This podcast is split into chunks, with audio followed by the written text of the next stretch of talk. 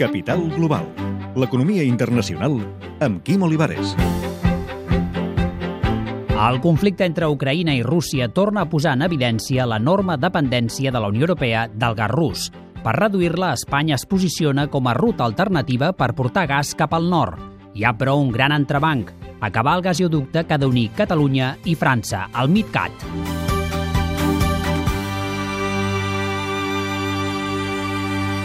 No hay un único productor que sea capaz de sustituir a Rusia. No existe tal cosa en el mercado mundial. Gonzalo Escribano, director del programa de energía del Real Instituto Elcano. Y por tanto lo que hay que hacer es diversificar hacia un cúmulo de pequeños productores que están repartidos pues por todo, por todo el globo. Una possibilitat és importar gas dels Estats Units. Allà viuen el boom del shale gas, el que s'extreu a través del controvertit fracking. En va parlar Barack Obama quan va visitar Brussel·les. Crec que és útil per a Europa mirar els seus propis actius energètics i també com els Estats Units poden subministrar actius energètics addicionals. Però el lobby industrial nord-americà no ho posarà fàcil. No quiere que se ese gas porque a día de hoy se están beneficiando de precios del gas una tercera parte más bajos de los que imperan en Europa y este lobby industrial eh, teme que la exportación de gas aumente los precios del gas eh, internos en Estados Unidos, reduzca los precios del gas en el resto del mundo y por tanto se erosione su competitividad. Centrem-nos en el cas espanyol. D'on ve el gas que consumim?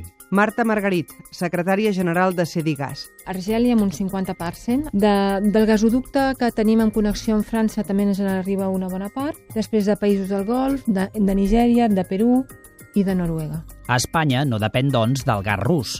L'Associació Espanyola afirma que pot aportar fins a un 12% del gas rus que actualment arriba a Europa. España convertirse en un centro a través del cual, bueno, pues aquí metaneros llegan, descargan nuestras centrales de regasificación y desde ahí se podría exportar por tubo hacia el resto de la Unión Europea. O dos, viene de Argelia y se redirecciona. ¿Cuál es el problema? Que nosotros no tenemos a día de hoy unas interconexiones dignas de tal nombre con el resto de Europa, básicamente por el bloqueo francés. Ara per ara, França no té interès per fer el MidCat.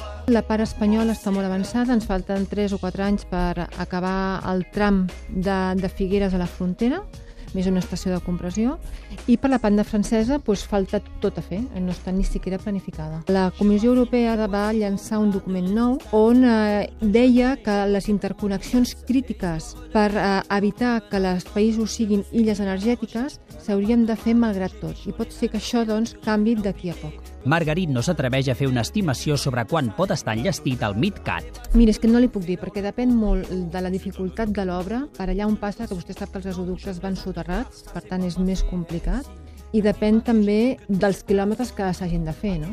Gonzalo Escribano apunta un altre inconvenient, dependre d'Algèria. Y los argelinos no se han mostrado precisamente entusiasmados en las últimas semanas de suplir a Rusia, entre otras cosas porque Rusia es un aliado estratégico de Argelia y si Argelia quisiese suplir a Rusia nunca lo haría en público y en abierto, lo haría por debajo y con mucha prudencia, ¿no? Y es que además Argelia, su producción no solo no crece de gas, sino que decrece y encima su consumo aumenta. Vull deixar clar que, com que el sistema gasista espanyol és molt diversificat, no només pot abastir a Europa amb gas d'Algèria, sinó de qualsevol altre país del món. Però pel professor del Real Instituto Elcano, la resposta als reptes s'ha de fer des de diversos fronts.